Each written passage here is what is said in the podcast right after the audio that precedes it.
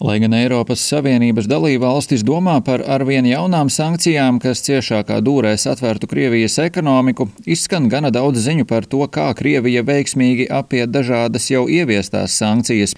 Uz problēmām norādījuši arī Eiropas parlamenta deputāti, kas rezolūcijā pauduši vēlmi, lai tiktu pastiprināta Eiropas Savienības līmeņa uzraudzība sankciju īstenošanā un pastiprināti centieni ierobežot Maskavas iespējas apiet Briseles noteiktos ierobežojošos pasākumus.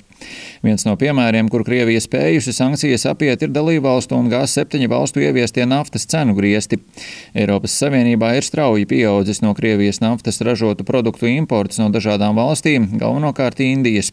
Tāpat no vairākām valstīm Krievijā joprojām nonāk kritiski svarīgas rietumu izcelsmes sastāvdaļas, un Eiropas Savienība arī turpina iepirkt Krievijas fosilo kurināmo. Viens no galvenajiem virzieniem, domājot par 12. sankciju paketi, nenoliedzami ir tieši jau ieviesto sankciju apiešanas novēršana, taču tiek domāts arī par sankciju papildināšanu. Tā piemēram sagaidāms, ka šajā paketē beidzot varētu tikt ieviests Krievijas dimantu importā aizliegums.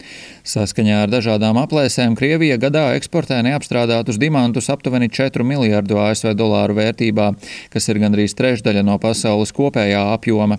Zaļo gaismu Krievijas dimantu importa aizliegumā aizliegumam devuši arī G7 valstu ārlietu ministri.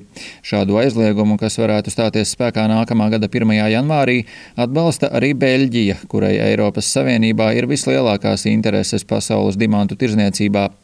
Saskaņā ar pasaulē nozīmīgākā dimantu tirzniecības centra Antverpenes pasaules dimantu centra datiem 84% no visiem pasaulē iegūtajiem neapstrādātajiem dimantiem tiek tirgoti tieši Antverpenē. Beļģijā darba vietās, kas tieši vai netieši saistītas ar dimantu nozari, strādā vairāk nekā 30 tūkstoši cilvēku, un dimanti veido aptuveni 5% no kopējā Beļģijas eksporta uz Eiropas Savienību un 15% no eksporta uz valstīm, kas nav Eiropas Savienībā.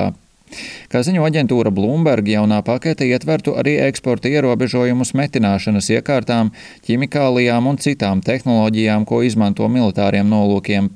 Tiekot apsvērti arī programmatūras licenču aizliegumi un importa ierobežojumi nelielam skaitam apstrādātu metālu un alumīnija izstrādājumu, būvniecības priekšmetu un ar transportēšanu saistītu preču. Kopumā ierosinātā pakete sankciju sarakstu papildinātu ar vairāk nekā 100 personām un gandrīz 50 organizācijām. Priekšlikumi 12. paketē ietver ierobežojumus preču tirzniecībai, kuru kopējā vērtība ir aptuveni 5 miljardi eiro. Bet ko no nākamās sankciju paketes sagaida Latvija? To es jautāju Latvijas ārlietu ministrijas preses sekretārai Diānai Eglītei. Latvija nākamajā sankciju pakotnē sagaida vairākas lietas. Pirmkārt, sankciju regulējumu uzlabojumus, kas mazinātu sankciju apiešanas riskus. Īpaša uzmanība Latvijas prāt būtu veltāma precēm, kuras var tikt izmantotas uh, kaujas laukā. Nākamais punkts ir uh, jauni sektorālo sankciju priekšlikumi, ieskaitot uh, tirzniecības liegumus, kas palielinātu savukārt spiedienu uz Krieviju un samazinātu tās uh, ienākumus. Tāpat Latvija sagaida jaunus individuālos sankciju priekšlikumus, īpaši militārajā un propagandas jomā, kā arī būtu izskatām arī papildus pakalpojumu ierobežojumi, tajā skaitā finanšu un IT jomā. Savs viedoklis, protams, ir arī citām dalībvalstīm, tostarp Krievijas draugam Eiropas Savienībā - Ungārijai.